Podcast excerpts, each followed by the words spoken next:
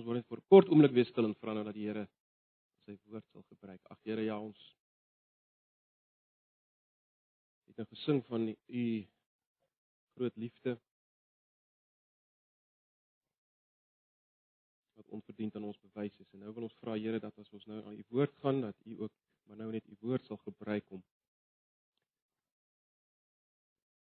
om ons opnuut bewus te maak hiervan. Om ons harte weer aan die brand te steek deur die werking van u Gees vir u. Ag Here asseblief. Ons wil ook maar net vra dat vanoggend sal werk in elkeen van ons broers en susters wat nie hier is nie, vakansie is wat weg is, dat in hulle harte in hierdie oggend sal werk, vir hulle sal bemoedig en sal versterk. Die wat siek is in ons midde, Here, die wat swaar kry. Ag Here, U ken elkeen van ons. U ken al die stryde en die worstelinge wat ons binnestes aangaan wat ons nie eers van mekaar weet nie, Here, en ons wil vra dat U deur U Gees werklik in hierdie dag die kinders sal versterk en sal bemoedig en sal vertroos. Asseblief, ons vra dit net in Jesus se naam. Amen. Ons bly volgens na die boek 2 Petrus, 2 Petrus hoofstuk 1. 2 Petrus hoofstuk 1, kom ons lees vanaf vers 1. Van Simon Petrus, 'n dienaar en apostel van Jesus Christus aan die wat deur die regverdige beskikking van ons God en verlosser Jesus Christus dieselfde kosbare geloof as ons ontvang het. Mag daar vir julle genade en vrede in oorvloed wees deur julle kennis van God en van Jesus ons Here.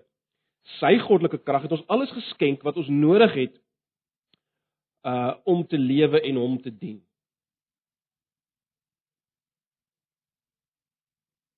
Die 53 vertaling sê immer sy goddelike krag het ons alles geskenk wat tot die lewe en godsvrug dien. Dit kom deurdat hy, ek nou weer terug by die 83 vertaling, dit kom deurdat ons hom ken wat ons geroep het deur sy heerlikheid en mag. Deur dit te doen het hy ons die kosbaarste en allergrootste gawes geskenk wat hy beloof het. Daardeur kan julle die verderf ontvlug wat deur die begeerlikheid in die wêreld werksaam is en deel kry aan die goddelike natuur. En juis om hierdie rede moet julle alles in die stryd werp om julle geloof te verryk met deugsaamheid, die deugsaamheid met kennis, die kennis met selfbeheersing, die selfbeheersing met godsvrug, die godsvrug met liefde onder mekaar of dan broederliefde en die liefde onder mekaar met liefde vir alle mense. As julle dit alles besit en dit neem steeds toe, sal julle met ywer en met vrug ons Here Jesus beter leer ken, ons Here Jesus Christus. Iemand wat hierdie dinge nie sy eie gemaak het nie, is kortsigtig, nog erger, hy is blind en het vergeet dat hy van sy vroeë sondes gereinig is. Daarom broers, moet julle julle des te meer daarvoor beywer om julle om deur julle lewe te bewys dat God julle geroep en verkies het. As julle hierdie dinge doen, sal julle nooit struikel nie. En dan sal daar vir julle vrye en feestelike toegang wees tot die ewige koninkryk van ons Here en Verlosser Jesus Christus. Om hierdie rede sal ek julle altyd aan hierdie dinge herinner. Al weet julle dit en al staan julle reeds vas in die waarheid wat aan julle bekend gemaak is. Ek ag dit immers my plig om julle aan te spoor deur julle te deur julle hieraan te herinner solank as ek nog lewe. Ek weet dat my dood nie meer ver is nie. Ons Here Jesus Christus het dit trouens duidelik aan my bekend gemaak. Daarom sal ek my daarvoor beywer dat julle ook na my heen gaan altyd hierdie dinge sal onthou. Dis net so.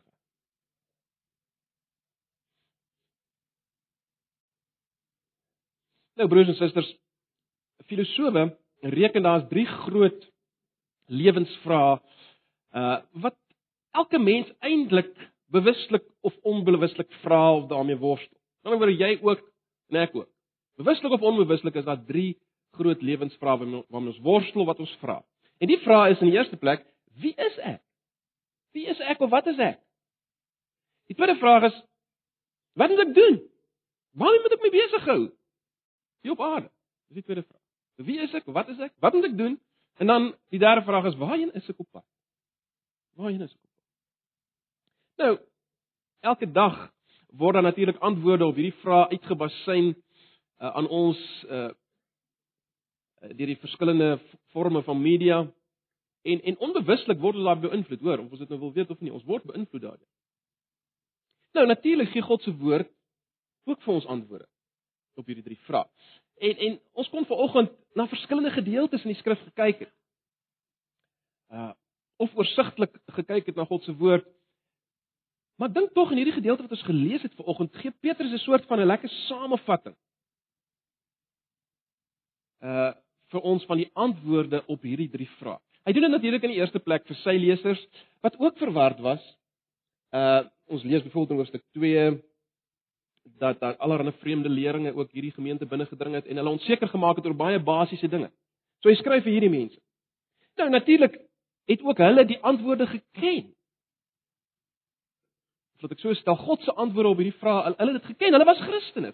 Hy skryf vir Christene. Net soos ons wat vanoggend hier is. Wat veronderstel is om die antwoorde op hierdie vrae te ken. Ons wil bely dat ons kinders van die Here is. Maar baie interessant, Petrus weet dat sy eerste lesers, net soos ons, geneig is om te vergeet. Ons is geneig om te vergeet wat God se antwoord is op hierdie drie vrae. Kyk net weer na vers 12. Uh wat wat Petrus sê, daarom sal ek nie nalat om julle altyd hieraan te herinner nie. Alhoewel julle dit weet en vas staan in die waarheid wat julle is. Hy weet herinnering is nodig want kyk, een groot effek van die sondeval was op ons geheue, né? Uh ons denke. En en dis hoekom ons dit wel so sukkel. Ons vergeet maklik. En en omdat ons so maklik vergeet, leef ons dikwels armsalige lewens. Ons leef leef lewens wat die Here nie werklik groot maak en verheerlik nie, juis omdat ons vergeet. So wat Petrus nou hier kom doen in hoofstuk 1 is om te wys dat die evangelie, die goeie nuus van dit wat God in Jesus gedoen het, gee vir ons antwoorde op hierdie drie vrae.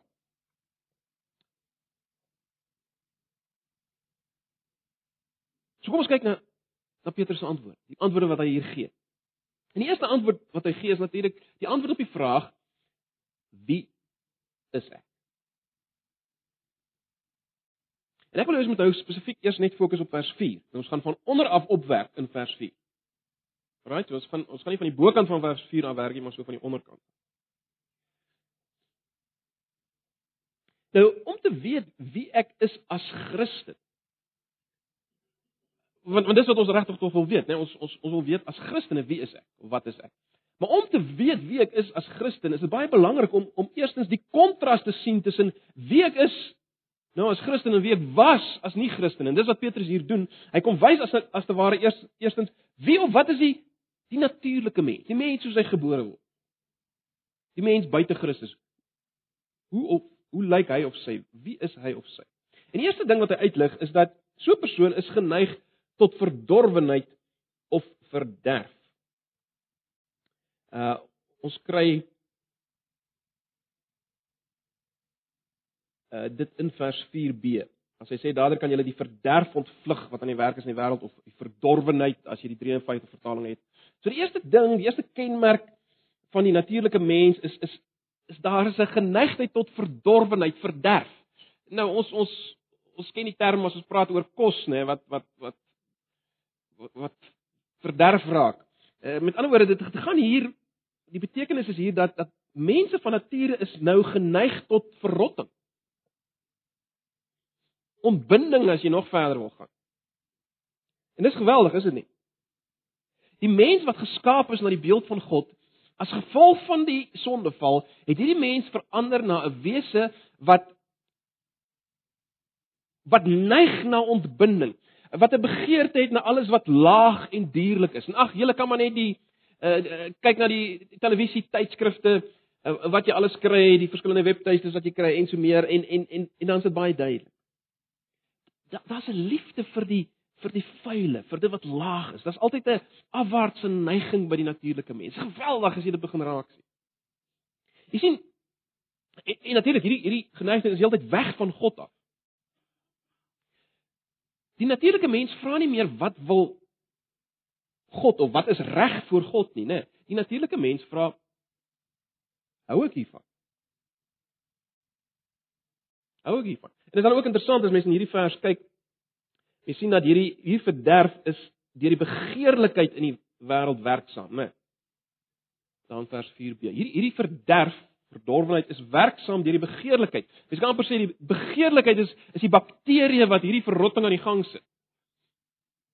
Begeertes, begeertes wat in sigself nie altyd sleg is nie, maar in die natuurlike mens staan hierdie begeertes in diens van sonde. En daarom sit hierdie begeertes, hierdie hierdie afwaartse neiging na verderf, verdorwenheid aan die gang. Dis nie natuurlike mens lyk. Dis wat waar is van die natuurlike mens. En en ons moet dit raak sien om om die kontras te sien tussen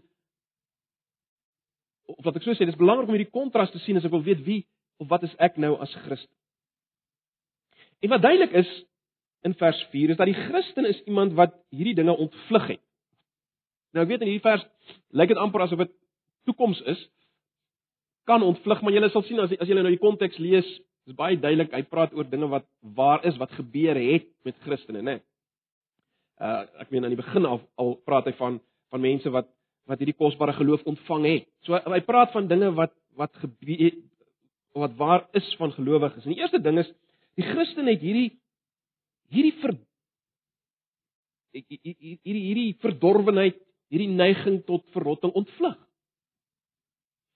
Maar baie belangrik, nie omdat hy of sy so goed was nie, deur God se werking, deur die krag van God. Hoe hoe hoe dit gebeur dat die Christen dit ontvlug het? Hoe's dit moontlik dat die Christen nie meer daaraan onderworpe is nie? Wel, baie interessant, die Christen het nou deel gekry aan die goddelike natuur staan hier in vers 4b.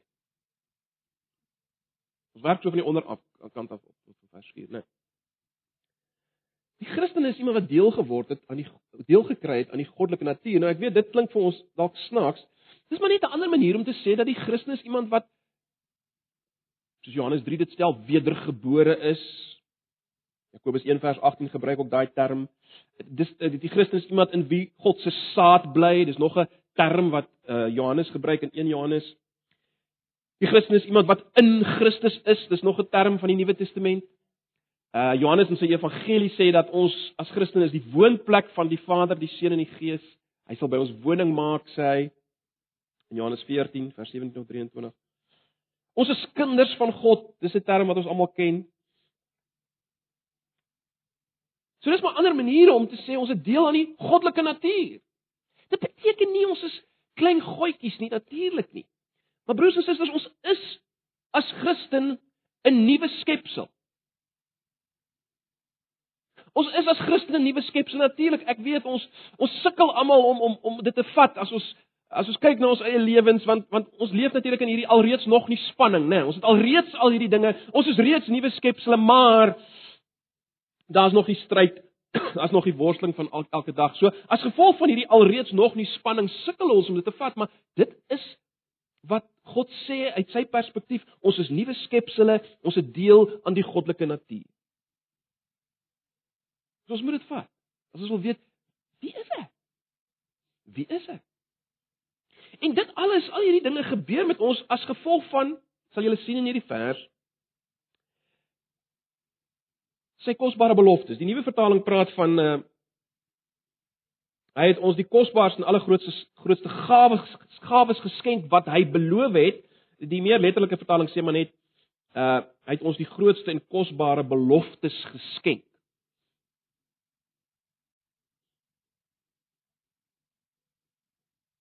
So ons is hierdie nuwe skepsele as gevolg van beloftes wat gemaak is deur God en toe nou waar geword het in ons lewens, né? Nee. Wat is hierdie beloftes? Ag, ons het al so baie daaroor gepraat. Dis al die beloftes onder andere wat gemaak word in die Ou Testament oor wat waar sal wees van mense onder nuwe bedeling, nuwe mense onder 'n nuwe verbondsbedeling. Wat gaan waar wees van hulle? Uh, ons het al gekyk na daai beloftes. Wat sal waar wees as gevolg van die werk van die gesalfde Messias wat gaan kom? Christus. Die Ou Testament praat reeds van die nuwe hart wat ons sal kry. Daar word gepraat van die Gees in ons binneste. Daar word gepraat van vergifnis van sonde. Dis beloftes. Ag, en broers en susters, ons vergeet die kosbaarheid van iets soos byvoorbeeld vergifnis van sondes. Ag, ek het dit al genoem Uh 'n baie bekende sekulêre humanis uh en en 'n romanskryf uh skryfster het op 'n stadium gesê uh, kort voor haar dood het sy gesê what I envy most about you Christians is your forgiveness. I have nobody to forgive me. Vergifnis is 'n ongelooflike ding om om vergewe te wees. Te weet daar word niks teen my gehou nie, ek is skoon voor God. Dis deel van van wat ons het, wat ons is. Ons het vergifnis. Ag iets soos die die Heilige Gees. Dis geweldig dat ons sy verligting het en sy leiding het. Ons is dit nie van nature nie. En dis hoekom 'n natuurlike mens kan vir ure lank koerant lees, maar hy kan nie 'n minuut lank Bybel lees nie. Wat is die verskil? Hy het nie die Heilige Gees nie.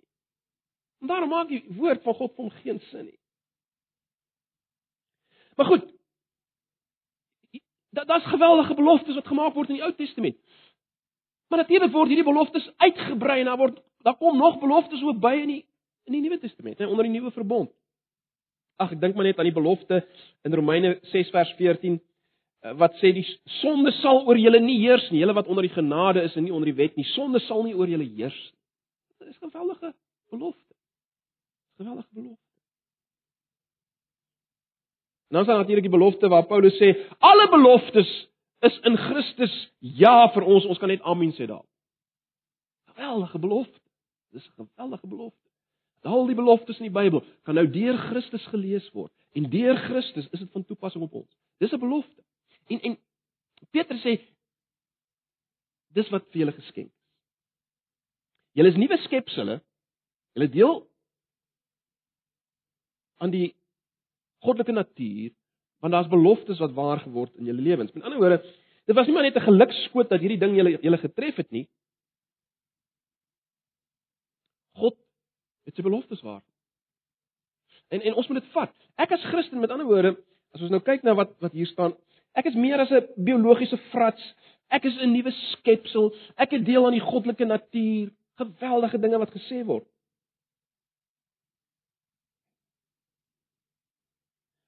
Om dit anders te stel, dis wat vers 3 eintlik wys. Ek het nou alles wat nodig is om die lewe te leef waarvoor ek geskep is. Dis wat vers 3 sê. Ek het nou alles wat ek wat nodig is om om om die lewe te leef van 'n Christen, die lewe te leef waarvoor ek gemaak is. Ek het alles wat nodig is om vir God te leef. Dis wat vers 3 sê.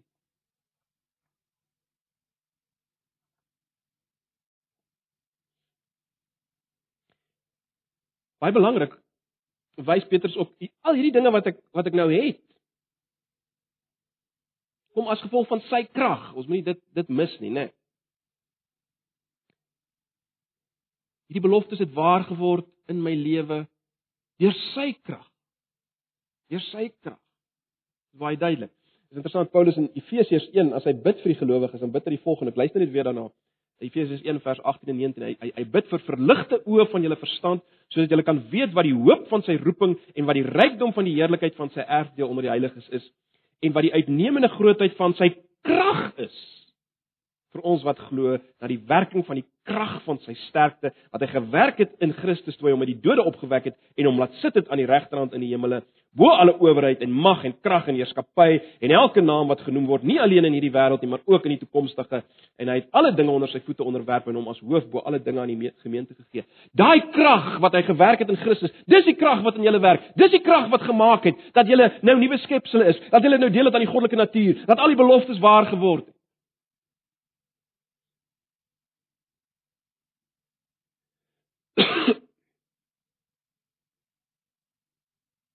Dis wie ek is as Christen. Dis wie ek is. Maar nou is die tweede groot vraag, wat moet ek nou doen? Nou Mens kan amper voel as mens nou weet dit wat hy nou gesê het, as ek weet dis waar van my, hoe kan ek nie weet wat om te doen nie, maar tog vergeet ons dit dikwels, né? Nee. Tog vergeet ons dit so dikwels. En en daarom kom Petrus na herinner sy lesers daaraan en dis wat ons nou vanoggend maar net ook doen ons mekaar te herinner want ek is bevrees dat ons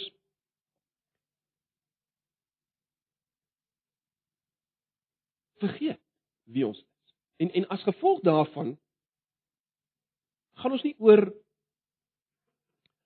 uh om te doen nie, ons weet nie wat ons moet doen nie.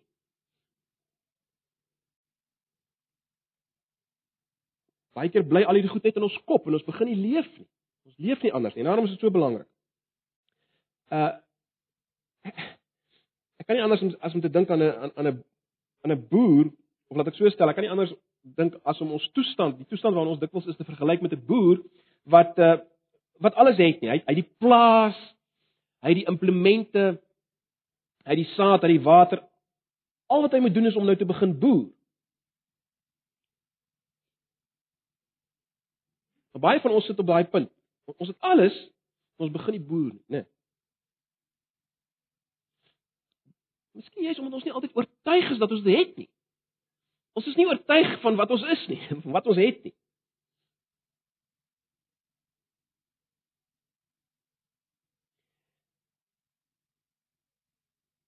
Kom ons dink net weer. Vers 5 gaan nou vir ons sê wat moet ons nou byvoeg? Maar kom ons dink net weer wat ons het. Uh in vers 5 vat hy eintlik alles saam, alles wat ons het, alles wat hy nou gesê het, vat hy saam in die woord geloof. Uh, geloof hier nie as 'n werkwoord nie, maar van geloof as eintlik die Christelike lewe. Want ons moet nou hierdie geloof verryk met sekere dinge. Maar is baie baie, baie belangrik. Dit wat ons het is is is die geloof. En en kyk net nou 'n bietjie terug na na vers 1. Wat Petrus sê, aan die wat deur die regverdige beskikking van ons God en ons verlosser Jesus Christus dieselfde kosbare geloof as ons ontvang het. Belangrik dat ons net dit sal sien. Hierdie Christelike lewe waarvan ons nou gepraat het, wat saamgevat kan word in die woord geloof, is dieselfde as wat Petrus gehad het en Paulus gehad het en die ander apostels gehad het. Ons het presies dieselfde as hulle. Ons kan presies die lewens leef wat hulle geleef het. Want ons het alles wat hulle het. Hoor ons dit? Ons is ons geneig om te dink, "Jesus, Jesus, ek is soos ou Paulus was." As ek net soos ou Petrus Ons het presies dieselfde beginpunt, né? Nee, ons presies dieselfde kosbare geloof.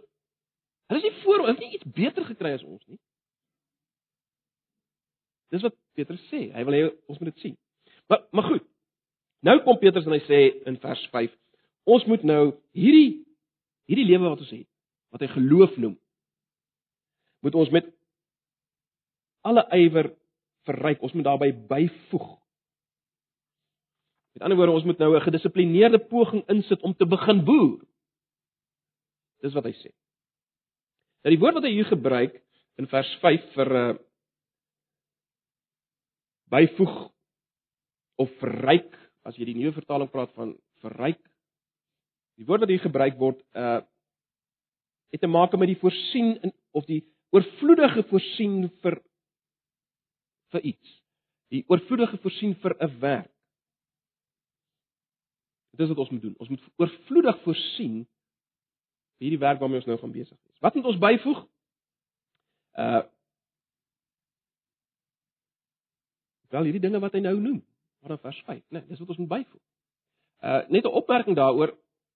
Dit word in 'n sekere volgorde gegee, né? Nee. Dit word in 'n sekere volgorde gegee. Deegsaamheid, kennis, selfbeheersing, godsvrug, broederliefde, naaste liefde. Maar dit beteken nou nie dat dat hierdie goed nou presies so in ons lewens moet werk. Met ander woorde, ek moet nou eers die deegsaamheid in my lewe kry en dan voeg ek hierdie in by en dan julle hoor wat ek wil sê, die goed vloei in mekaar en een vloei uit die ander een uit. Dit word maar net hier in 'n volgorde gegee. Dit is nie noodwendig hoe ons doelbewus dit moet byvoeg in ons lewens nie, maar al hierdie goeders moet betrokke wees, moet teenwoordig wees. Dis dis die gedagte. En dit's baie belangrik. Dis hoe ek toeneem, sê Paulus in die ag uh, Petrus, in die kennis van Jesus Christus. As ek hierdie dinge doen, as hierdie dinge toeneem, ken ek Jesus Christus beter. Dis wat hy sê, né? Nee. En dit gaan nie net hier oor 'n mistiese gevoel van dat ek hom ken nie. Dit gaan oor meer as dit, né? Nee. Ek begin iets van sy lewe beleef. Ek begin iets van die krag van sy opstanding beleef. Uh ons het al baie daaroor gepraat. Die woord ken het het het 'n baie intieme betekenis. Uh dis dieselfde woord wat gebruik word vir seksuele gemeenskap. Dit is 'n diep ken, né? In in Paul uh, Petrus sê as ons hierdie goed byvoeg dan sal ons toeneem in die kennis van Jesus Christus. Ons hom beter leer ken. As mens kyk na al hierdie goeters wat hier genoem word, wat ons moet byvoeg, dis die dinge wat in Jesus se lewe sigbaar was, was dit nie? Dink aan Jesus. As jy na as jy na Jesus kyk en hom voor jou voor oë kry, in hom sien ons al hierdie dinge. Die deeg, die kennis, liefde vir God, die selfbeheersing, die liefde vir die broers, die liefde vir alle mense. Ons sien dit in Jesus. Met ander woorde, as ons hierdie dinge byvoeg, dis wat Petrus wil sê, uh, ons in, in 'n sin beweeg ons dan in Jesus of uh, soos Paulus in Galasiërs noem, ons beklee ons met Jesus Christus. Ons beklee ons met Jesus Christus as ons hierdie dinge doen. Broers en susters, let wel, weer eens, ons doen nie hierdie dinge om 'n Christen te word nie, maar ons is 'n Christen. Ons het hierdie hierdie geloof, dieselfde as Paulus en Petrus, en nou moet ons prakties byvoeg. Dit gebeur nie van self nie. Ek word nie van self soos Jesus nie. Ek moet dit byvoeg. Dis goed wat ek kan doen. Dis wat hy sê. Maar goed, wat is die eerste ding? Die eerste ding wat hy sê is wat ons moet byvoeg is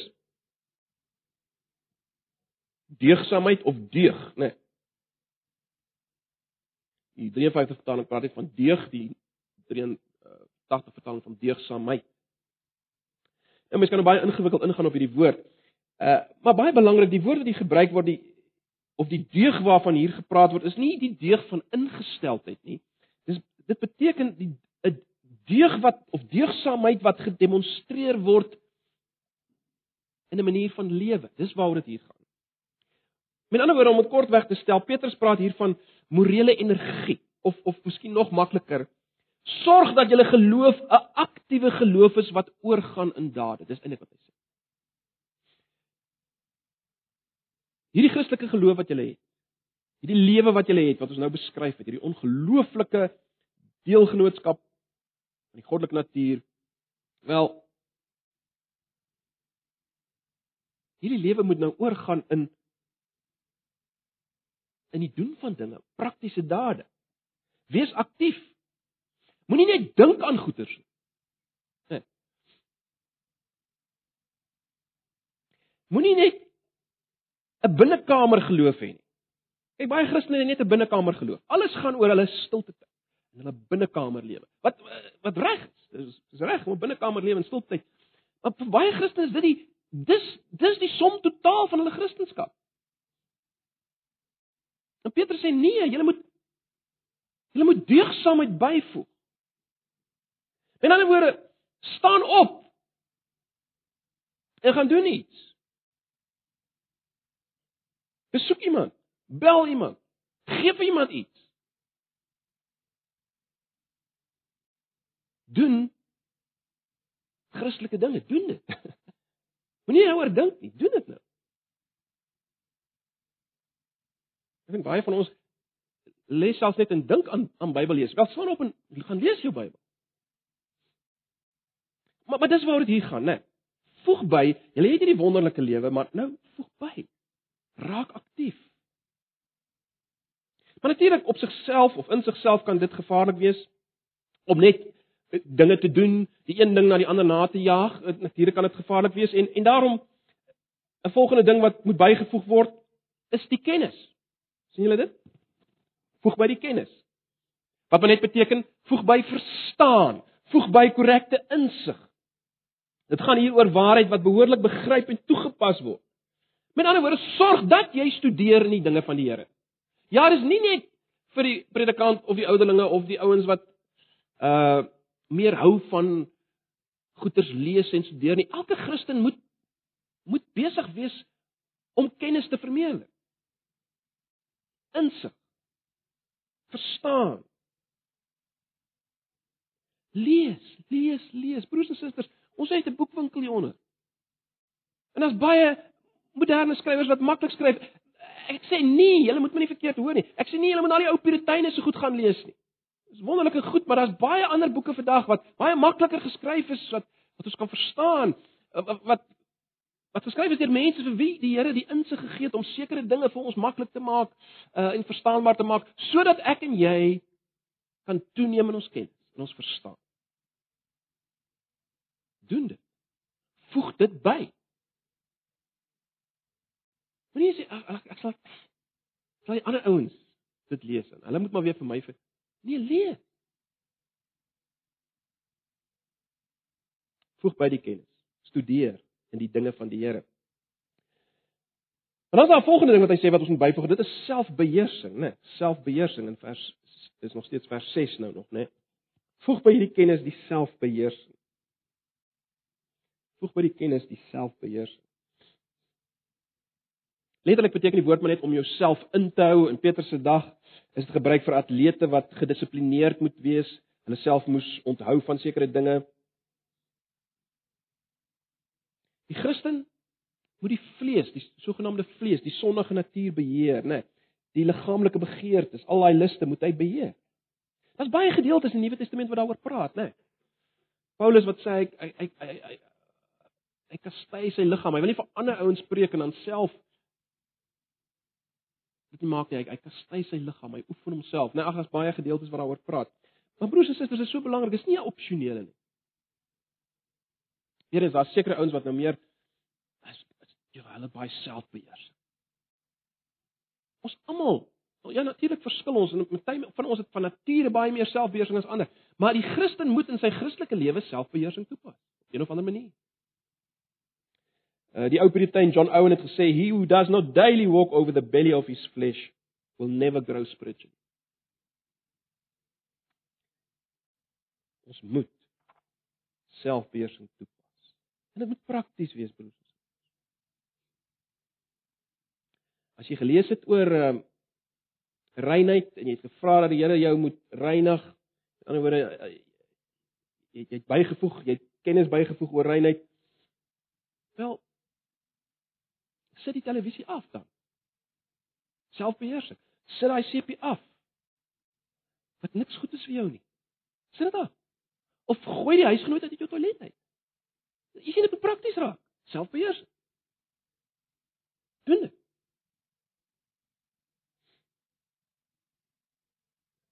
John Piper het iewers in 'n ander konteks dit so gestel het gesê en ek ek uh, ons ons ons het al hieroor gepraat. Het gesê die grootste vyand vir 'n honger na God is nie gif nie, maar roomys en sjokoladekoek. Dis nie die feesmaal van die goddelose wat ons aptyd vir God wegneem nie.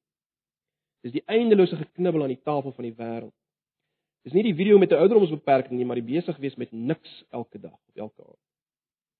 Ons het verlede Sondag sien hè wat wat wat wat hou mense weg van die feesmaal af. Onthou julle toe Benny gepreek het, dis 'n um, is 'n stuk grond en 'n os en 'n vrou. Jy sien die grootste vyand vir 'n honger na God is nie sy vyande nie, maar sy gawes. Piper gaan verder en hy sê dat dinge soos ontbyt en middag en aandete en 'n koffietjie en tuin maak en lees en dekoreer en televisie kyk en internet surfing en inkopies doen en oefening doen, alles kan plaasvervangers vir God wees. Dis nie slegte dinge nie. Maar dit kan maklik 'n plaasvervanger vir God wees en dis waar die selfbeheersing inkom. Selfbeheersing, selfs by die goeie dinge. Net goeie dinge. Niks fout nie. Maar ons moet selfbeheersing toepas anders kan ons nie byvoeg. Volgende ding wat Petrus noem is leidsaamheid of volharding. Leidsaamheid, ons gebruik eintlik meer die woord leidsaamheid en volharding. Ons leef in 'n tyd waar dit so maklik is om op te gee as dit swaar gaan, né? kan so maklik opgee as dit swaar gaan. Petrus praat natuurlik uit ondervinding. Hy was iemand wat op 'n stadium wou opgee. En hy pleit hier dat ons moet volhard. Ag broers en susters, dit is so belangrik en ek moet dit vir myself sê. Moenie net voortgaan met die dinge van die Here as jy so voel. Moenie op gevoel net op gevoelens leef nie. Ja, gevoel is goed en, en, en reg, maar ons kan nie ons Christelike lewe leef op gevoelens nie. Met ander woorde, ek gaan Bybel lees as ek so voel. Ek gaan die erediens bywoon in die oggend as ek so voel nie. Ek gaan 'n selgroep bywoon as ek so voel nie. Ek gaan 'n bydrae gee as ek so voel. Ons moet verby ons gevoelens kom. Ek en jy sal nooit die Christelike wedloop met konsekwentheid en volharding kan hardloop as ons nie geleer het om die ketTINGS van ons gevoelens te breek in 'n sin nie. Met 'n beginsel saak. En daarom sê uh, Petrus voeg by volharding gaan voort. Voeg doelbewus by.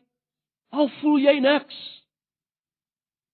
Want as jy begin byvoeg, gaan die gevoel dalk ook kom. Maar voeg by.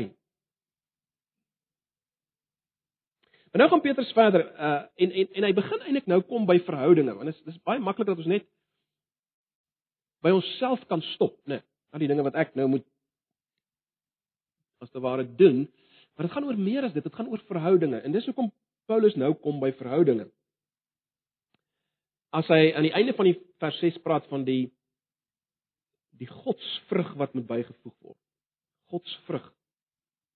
Nou uh ons kan maklik die woord godsvrug verkeerd verstaan. Ons dink nou weer aan die aan vrugte wat ons moet byvoeg. Godsvrug, uh, Engelse vertalings vertaal dit met godliness, né? Nee, godliness. Dit dit gaan ten diepste hier oor oor oor die feit dat ons moenie vergeet dat dit oor God en sy eer en heerlikheid gaan. Met ander woorde, dit help nie net jy lei 'n baie gedissiplineerde lewe sonder dat God self jou fokus is. Dis baie belangrik. Voeg by God 'n lewe vir vir hom, 'n fokus op hom, 'n bewustheid van hom. Voeg dit by. Dis dis eintlik waar dit gaan. C.S. Lewis het eendag 'n baie treffende opmerking gemaak. Ek gaan dit vir julle lees. Hy, hy sê Hy sê wat konkreet maar onliggaamlik is kan slegs met pynlike inspanning voor oë gehou word. Nou as hy praat van van dinge wat konkreet maar onliggaamlik is, praat hy van die geestelike dinge, né? Nee, die geestelike dinge. En en Loos sê wat konkreet maar onliggaamlik is, kan slegs met pynlike inspanning voor oë gehou word. Dan gaan hy verder en hy sê dit is waarom die werklike probleem van die Christelike lewe opduik waar mense gewoonlik nie daarvoor soek nie. Dit kom juis wanneer jy elke oggend wakker word. Al jou wense en begeertes vir die dag storm soos wilde diere op jou af. En jou eerste taak soggens is om hulle weer almal terug te dwing om na daardie ander stem te luister, om daardie ander gesigspunt te oorweeg en om die ander groter, sterker en stiller lewe te laat invloei.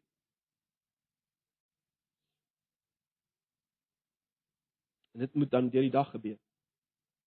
Hy sê aanvanklik kan ons dit net 'n oomblik lank doen, maar uit daardie oomblik sal die nuwe soort lewe deur ons gestel uh, deur ons liggame of ons gestel versprei omdat ons hom nou toelaat om aan die regte deel van ons lewe te werk. So dis wat Loos sê, dit begin in die oggend al, wat jy doelbewus jou fokus moet rig op God. Daar word gesê van die ou ou brother Lawrence, jy het dalk al van hom gehoor, hoe hy bewuslik in alles wat hy gedoen het, of dit nou of hy nou skoene skoon gemaak het of wat hy ook al gedoen het, het hy bewuslik homself vir God gestel. Dit bewuslik vir God gedoen. God eerste gestel in dit. En dis iets hiervan broers en susters waarvan Petrus hier praat. Hou jou verhouding met God in gedagte. Jy leef vir hom elke dag. Jy doen alles in sy teenwoordigheid. En raak bewus daarvan. Doelbewus. Jy sien, dit gebeur weer eens nie van selfsprekend nie. Nie van selfsprekend. Jy moet dit doelbewus doen. Voeg by die godliness, God se vrug. Die volgende ding wat Petrus sê wat ons moet byvoeg is die broederliefde, né? Ag, broers en susters, ons het al so baie daaroor gepraat, maar ons klem op waarheid, ons klem op kennis. Mag nooit maak dat ons nie hierdie ding byvoeg nie. Die broederliefde, né? Wat vir ons gedemonstreer is deur Jesus, opofferende, sigbare wilsdaad liefde teenoor my broers en susters in geloof. Voeg dit by. En ons het ook al vir mekaar gesê, wanneer moet dit juis na vore kom? As my broer of suster teenoor my oortree. Dit is baie maklik om mekaar net drukkies te gee en ag, liewe broer, liewe suster, as as as as alles goed gaan, maar wat gebeur as as daar iets is wat krap? As jy voel dat jou broer of suster onregverdig teenoor jou opgetree het?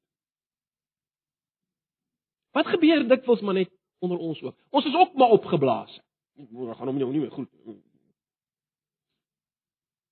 Wat sê in Korintiërs? Hoe wys die Christelike liefde? Die liefde is nie opgeblaas nie. Hou nie boek van die kwaad nie, né? So dis wat ons moet byvoeg. Doelbewus as my broer nie my oortree het of my suster teenoor my tree oortree, tree anders op as wat ek natuurlik sou optree. Dis hoe ek die broederliefde by. So ek bepleit nie hier dat ons nou net baie drukkies vir mekaar begin gee. Dis reg. Wat beteken dit? As hierdie liefde na vore kom, juis as my broer of suster my te nagekom het, sodat ek amper die reg het om kwaad te wees, dan wys dit of ek lief het. Nee, broederliefde, dit is wat ons byvoeg. Dis wat ons byvoeg. En dan laastens uh sê hy voeg by liefde vir alle mense. Dis 'n geweldige stelling, né? En en jy moet maar self prakties dit uitwerk, maar dit beteken ek moet ook lief wees vir die ou agter die petrolpomp. Die vrou agter die til wat weer de mekaar is en sukkel om my goed laat. Wees lief vir alle mense. Dis nie vir Christus, vir alle mense. Slegtes die goeies, die armes, die ryk. Wees lief. Voeg dit by. Weerens met ander woorde broers en susters, kan dit nie genoeg sê nie. Hier gekom jy van self. Dit lyk vir my dis 'n wilsta. Dit kos werk. Moet dit byvoeg. So, wat moet ek doen as Christen? Ons nou gesien wie is ek? Wat moet ek doen as Christen? Wat is my funksie? Wat is my taak? Dag vir dag wel voeg hierdie dinge by. Uh, ek het dit nou nie genoem nie, maar natuurlik is is is die uh, die liefde vir alle mense sal natuurlik lei tot getuienis en uitreiking, né? Nee, dit is tog logies. Dis ook ek, het nie my broers of ek nie ou mense lief daar buite as ek nie vir hulle die goeie nuus van die evangelie bring nie. So ek het nou nie gaan nie daarop uitbrei nou nie, maar dis tog belangrik, né? Nee. Maar maar dis waarmee ek moet besig wees. Jy sien, ek as Christen hoef nooit verveeld te wees nie. In 'n sekere sin. Nooit te wonder, "Hoe, wat moet ek nou doen?" Ek het niks te doen vandag. Nee, jy het baie te doen. Jy het baie te doen. Voeg by. Wat is die gevolg hiervan? Wel vers 8 stel dit baie duidelik, né? Nee. Vers 8 Petrus sê want as hierdie dinge by julle aanwesig is en toeneem, dan laat julle dan laat dit julle nie ledig of onvrugbaar tot die kennis van ons Here Jesus Christus nie. Ons het gepraat oor daai kennis van die Here Jesus, né? In vers 9 sê hy want hy by wie hierdie dinge nie aanwesig is nie, is blind en kortsigtig en die reiniging van sy vorige sondes vergeet. En dan is daar 'n wonderlike bonus van dit in, in dit alles. Kyk na vers 10.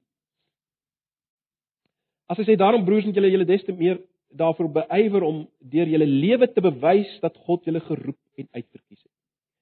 As julle hierdie dinge doen, sal julle nooit struikel nie. Die punt wat hy wil maak is as ek so byvoeg, dan be begin ek deur my lewe bewys dat God my geroep en uitverkies het. Dis dis die dis dis, dis die gedagte in vers 10, né?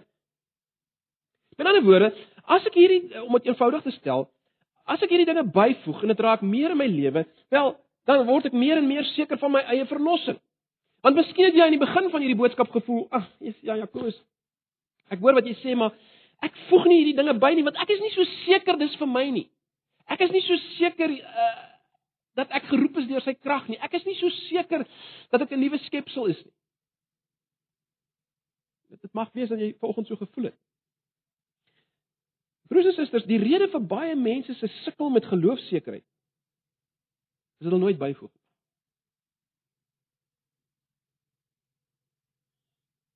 Met ander woorde, hulle oefen nooit hulle geestelike spiere sodat hulle kan bewus word van die lewe binne in hulle nie. Kyk as jy begin as jy begin oefen in 'n in 'n gimnasium of op jou eie wat ook al jy begin bewus word, dis maar hier's krag in my. Ek het spiere.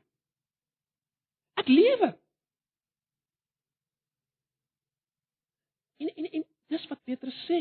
Want jy sien baie mense sit eintlik by wyse van spreke heeldag met hulle vinger op die pols uh om te voel of daar daar nog lewe is. Hulle grawe in hulle siele in. Hulle grawe in hulle verledes in. Was ek regtig eg toe ek daai tyd die gebed gebid het? Was ek regtig eg toe ek my lewe vir die Here gegee het? Ek kan nie onthou nie. Geen nêrens bring nie. Dis uitmergelend, dis sieldodend, want dit is so subjektief. Vat in die geloof dit wat God sê. Wat jou deel is in Christus Jesus. Vat dit. Vat hom in die geloof en dan begin byvoeg, begin leef en jy sal agterkom of daar lewe in in jou is. Jy sal dit begin beleef. Maar as jy nooit begin byvoeg nie, gaan jy nooit weet nie.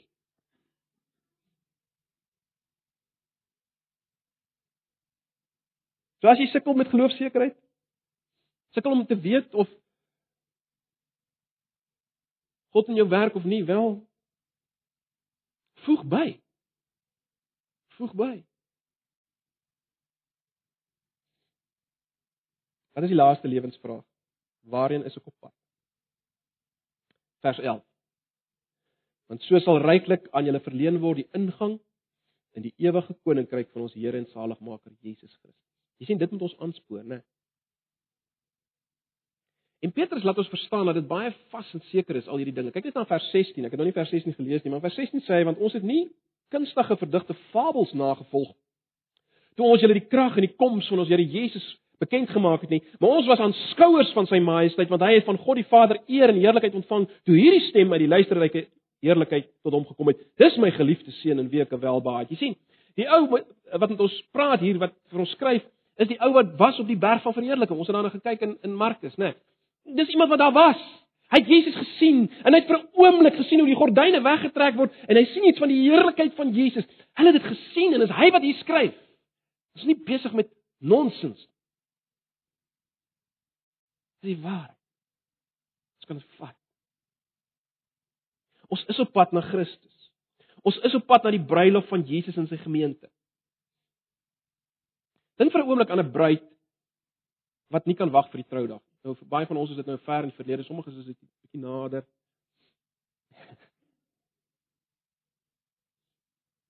Dink aan 'n bruid wat nie kan wag vir die troudag. Alwaar sy kan dink is daai dag. Sy berei voor daarvoor. Sy droom daaroor. Sommige begin bietjie oefen. Uh gaan ook op 'n dieet want hulle wil al die vetjies wegwerk. Sommige begin lees oor dinge waaraan die bruidegom belangstel sodat hulle daarom verwys hulle stel ook belang in dit waarna hy belangstel en so. Sommige dat hulle 'n bietjie brein brand of wat die geval mag wees. Maar maar, maar bo alles die die die die die die, die bruid doen alles om om nie die dag te vergeet nie. En dit is eintlik ondenkbaar, simpel om dit te sê. Nee. Hoe op aarde sal dit vergeet? Wel broers en susters. Ons bruidegom het beloof hy kom ons haal vir sy bruilof. Kom ons laat toe dat dat die troudag amper 'n obsessie vir ons word. Bewaar jouself van vergeetachtigheid. Wees onverdraagsaam teenoor geheue verlies en oor alles wat bydra tot geheue verlies. Wees wees onverdraagsaam daarteenoor. Doen enigiets om te onthou. Doen enigiets om te onthou dat die bruidegom weer kom.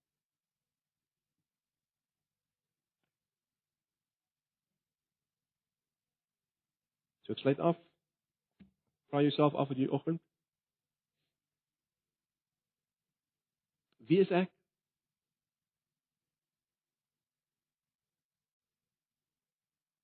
Wat moet ek doen? Waarmee moet ek besig wees? Waarheen is ek op pad? Ek gaan 'n paar oomblikke van stil gebed gee wat ons elkeen net vir onsself in die lig van wat ons nou gesien het. Sê dit vir jouself voor die Here, sê dit vir die Here en vra hom om jou te bekragtig deur sy gees om in die lig daarvan te begin lewe. Gee 'n paar oomblikke van gebed en dan sluit ek ons af.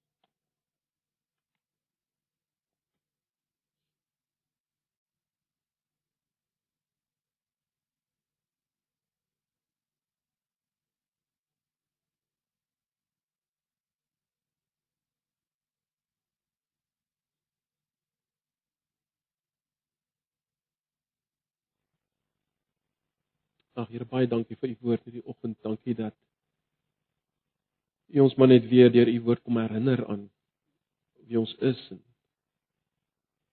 wat ons moet doen en waarheen ons op pad is. Ek wil nou bid vir elkeen van my broers en susters dat hulle ook sal bewaar spesifiek van die aanvalle van die bose. Die bose wat dikwels ons denke wil aanval en ons daar wil onseker maak sodat ons lewens geneutraliseer kan word. Lewens wat U verhoog en die kollig op U laat val. Ag Here, bewaar ons van die aanvalle van die bose. En ek bid vir elkeen van ons en myself, Here, dat U deur die Gees dit wat ons vanoggend gehoor het sal lewend hou.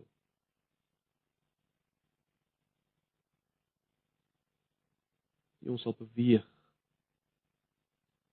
sal krag gee, sal energie gee, sal lus gee om waarlik by te voeg. En ag Here, help ons om mekaar aan te spoor. Want ons weet ons is nie hierin alleen nie.